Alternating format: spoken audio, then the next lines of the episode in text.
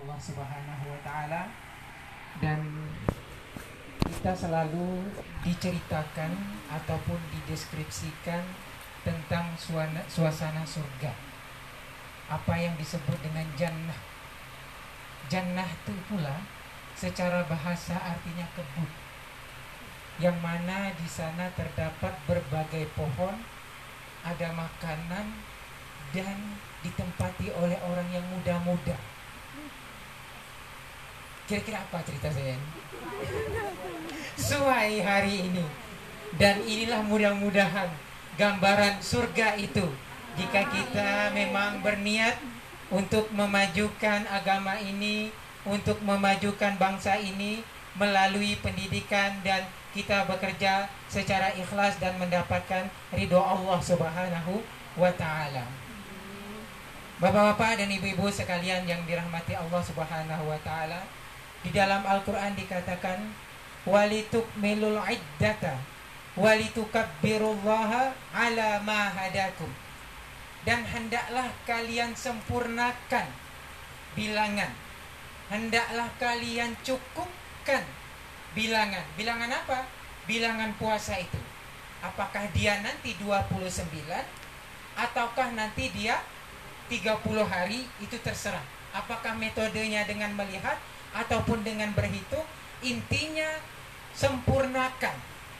Inilah ajaran Islam yang menginginkan kita, yang menasehatkan kita agar segala sesuatu itu dikerjakan secara sempurna. Tak boleh setengah-setengah. Puasa tak boleh 27 hari. Tak boleh juga 28 hari. Mesti 29 ataupun 30 hari. Itu adalah isyarat bahwasanya Islam mengajarkan kita dalam beramal, dalam mengerjakan sesuatu harus sempurna, harus perfect, harus selesai. Kemudian walitukabbirullah. Apabila telah selesai pekerjaan kita, sempurna pekerjaan kita, perfect pekerjaan kita, lalu kemudian kita memuji Allah Subhanahu wa taala membesarkan Allah Subhanahu wa taala. Allahu akbar. Bukan lalu kemudian membesarkan siapa? Diri. Diri kita sendiri. Ya, hanya aku yang buat ni. Kalau tak itu tak sempurna lah. Kalau aku tak tunggang langgang, manjat sana sini, ketik sini, mata sampai nak buta. Mengenai Aku, aku, aku, aku. Padahal walitukabbirullah dan hendaklah kamu memuji Allah, membesarkan Allah Subhanahu wa taala. Jadi Allah menjadi fokus utama ketika kita mendapat capaian, mendapat prestasi, mendapat kelebihan. Ingat kalau tidak Allah akan cabut kenikmatan itu. La in syakartu la azidannakum wa la in kafartu inna azabi lasyadid. Kalau kalian bersyukur membesarkan namaku tadi, maka aku tambah nikmatku ini. Tapi kalau kalian mengingkari, maka azabku. Ah, ini azab. Azab itu bukan hanya di akhirat aja. Di akhirat mungkin kita bisa berongkang-ongkang kaki lagi. Ah, 10 tahun, 20 tahun lama juga mati kan. Ah, tapi juga di dunia bisa Allah berikan kita azab. Apatah lagi di akhirat. Nah, kemudian hendaklah kalian membesarkan Allah Subhanahu wa taala ala hadakum atas hidayah yang Allah berikan kepada kita. Jadi sesungguhnya yang memberikan kita petunjuk kita nak buat ini, nak buat itu, planning ini, planning itu, perencanaan ini, perencanaan itu, tulis sana, tulis ini, buat ini, buat itu. Itu ada hidayah. Itu adalah petunjuk. Itu adalah pemberian daripada Allah Subhanahu wa taala. La'allakum tashkurun agar kalian bersyukur kepada Allah Subhanahu wa taala. Oleh karena itu, Idul Fitri ini sebenarnya kata Yusuf Qardawi itu ada dua. Yang pertama adalah kita membesarkan Allah Subhanahu wa taala. Jadi setelah kita sempurna Ramadan, kita besarkan Allah sebagai apa? Sebagai tanda syukur kita bahwasanya kita mampu ataupun berhasil melewati godaan-godaan selama bulan Ramadan. Banyak itu godaan. Godaan lapar, godaan nak makan, godaan ini, godaan itu. Tapi semuanya selesai, semuanya lepas. Oleh karena itu, karena kita telah berhasil, berhasil di sini bukan menang ya, karena pertarungan kita dengan syaitan ini belum habis lagi, masih terus berlanjut. Sesungguhnya syaitan itu masuk ke dalam tubuh insan ataupun anak Bani Adam melalui darah. Jadi Ustaz Habib tak cek dulu. Kalau tak berdarah lagi, ah, maknanya setan tu tak ada masuk lagi dalam tubuh. Ha, ini apa dia asyik tergoda aja ni? Banyak sekali godaan hidup ni. Ha, lukakan sikit aja kan. Cucuk aja ya. Oh berdarah, oh patutlah. Ha. Selagi kita ini berdarah, maka ujian itu akan ada terus. Jadi jangan pede dulu. Oh, setelah habis Ramadan jumpa hari raya kita ni nak menang lah ni. Enjoy lah ni. Ah, patutlah. Subuh tadi lewat. Coba lah kan menang dah. Ah, dah haji tak boleh macam tu. Kita ni bertarung terus. Subuh kena jaga, maghrib kena jaga, isyak kena jaga, mengajar pun spiritnya kena jaga. Ha, semuanya kena jaga karena itu adalah pertarungan. Oleh karena itu, yang kita lakukan ada bertakbir kepada Allah Subhanahu wa taala. Selain itu juga adalah kita menyambung tali silaturahim. Ah, ini adalah salah satu bentuk kegembiraan. Takbir tadi juga gembira, bukti syukur kita kepada yang vertikal, tapi yang horizontal yaitu kepada sesama manusia. Dengan cara apa? Dengan cara bersilaturahim. Tidaklah halal dalam sebuah hadis dikatakan seseorang yang mendiamkan saudaranya selama tiga malam. Jumpa si bulan diam, dia tak ada komen apa-apa. Muka merengut aja. Kalau berjumpa cari arah arah yang lain pula lagi.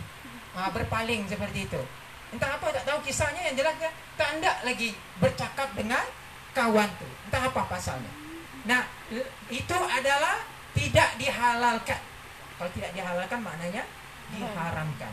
Ah, kalau masih ada lagi yang tak bertegur sapa, Ah, tapi insya Allah ini kan tadi kan sudah gambaran surga kan. Tak mungkin pula tak betul bersapa kan.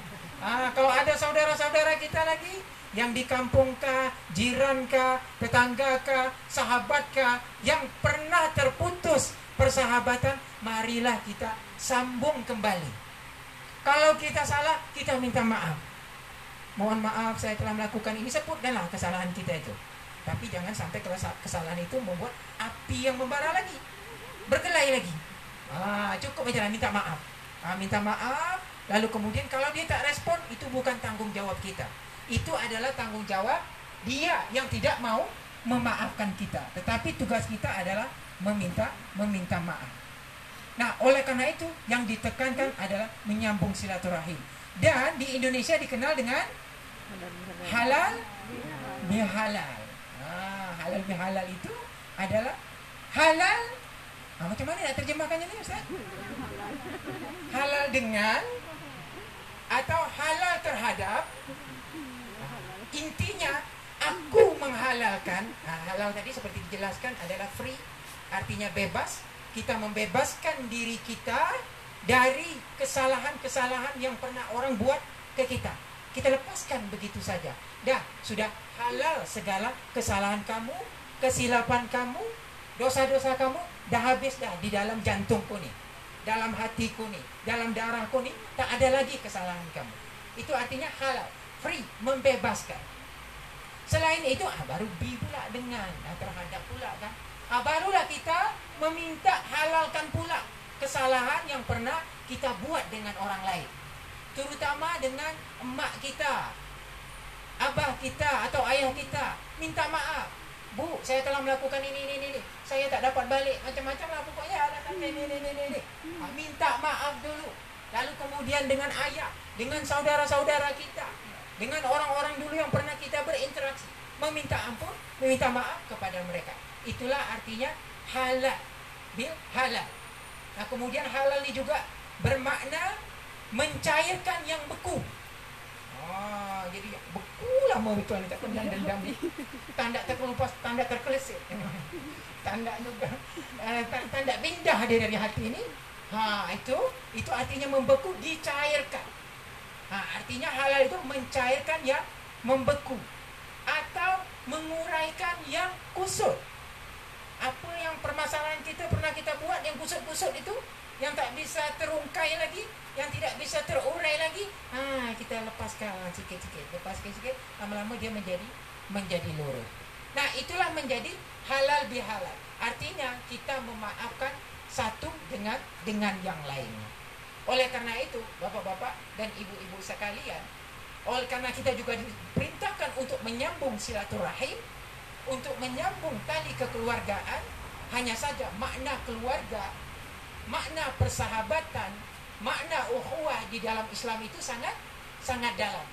Nah, saya ingin menjelaskan sekali lagi, pertama, ukhuwah di dalam Islam itu dimulai dengan apa? Dengan ta'al, ta'aruf, yaitu saling kenal mengenal. Saya belum kenal nih dengan Ustaz Taufik. Assalamualaikum Ustaz.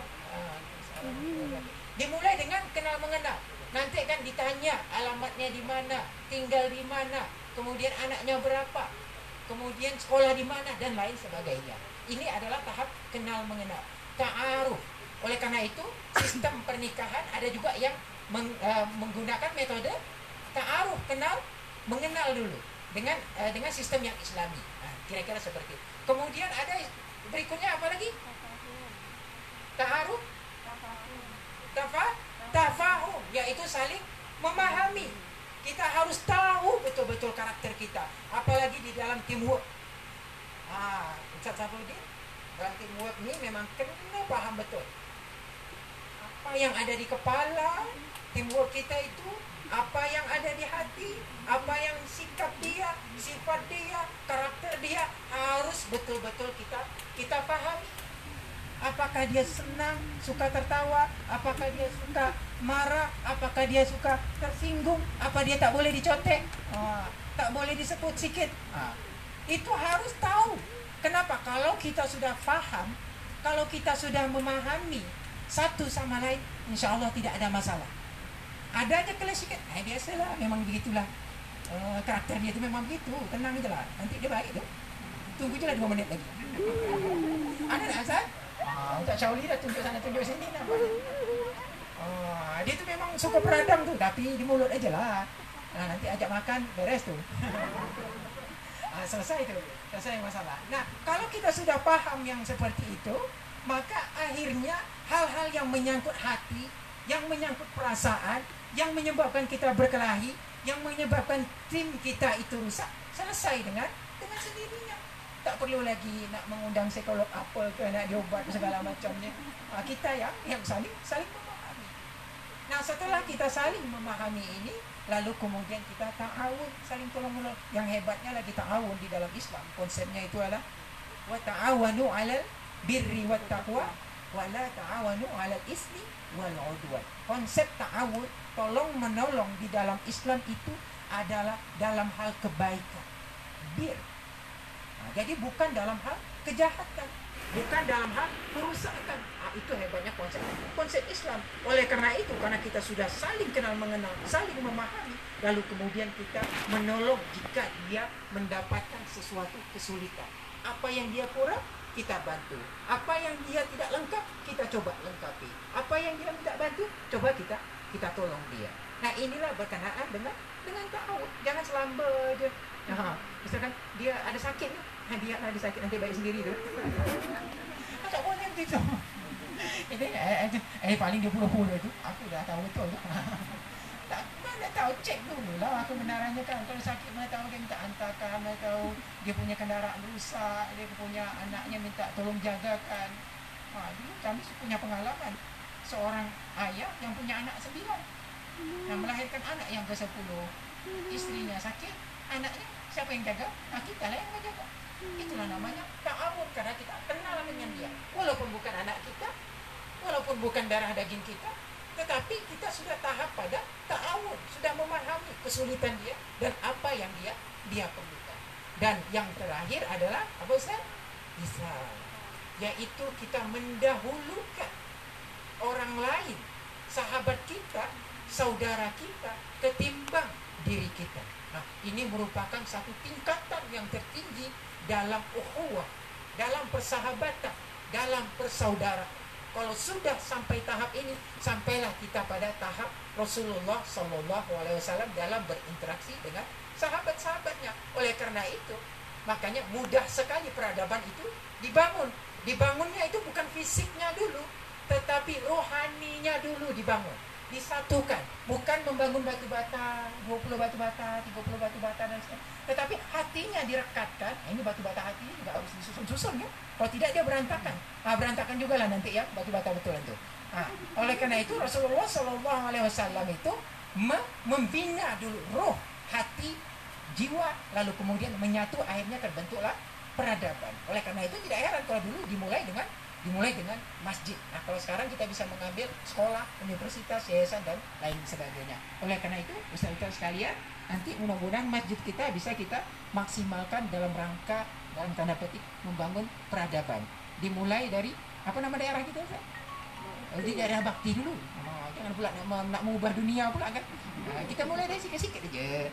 Ambil orang-orang pinggir-pinggiran tu 10 nanti 20 30 sampai kita mati dapat 200 ya bila. 300 4 orang 400 yang penting kita kita lakukan dulu untuk membentuk peradaban melalui masjid ini.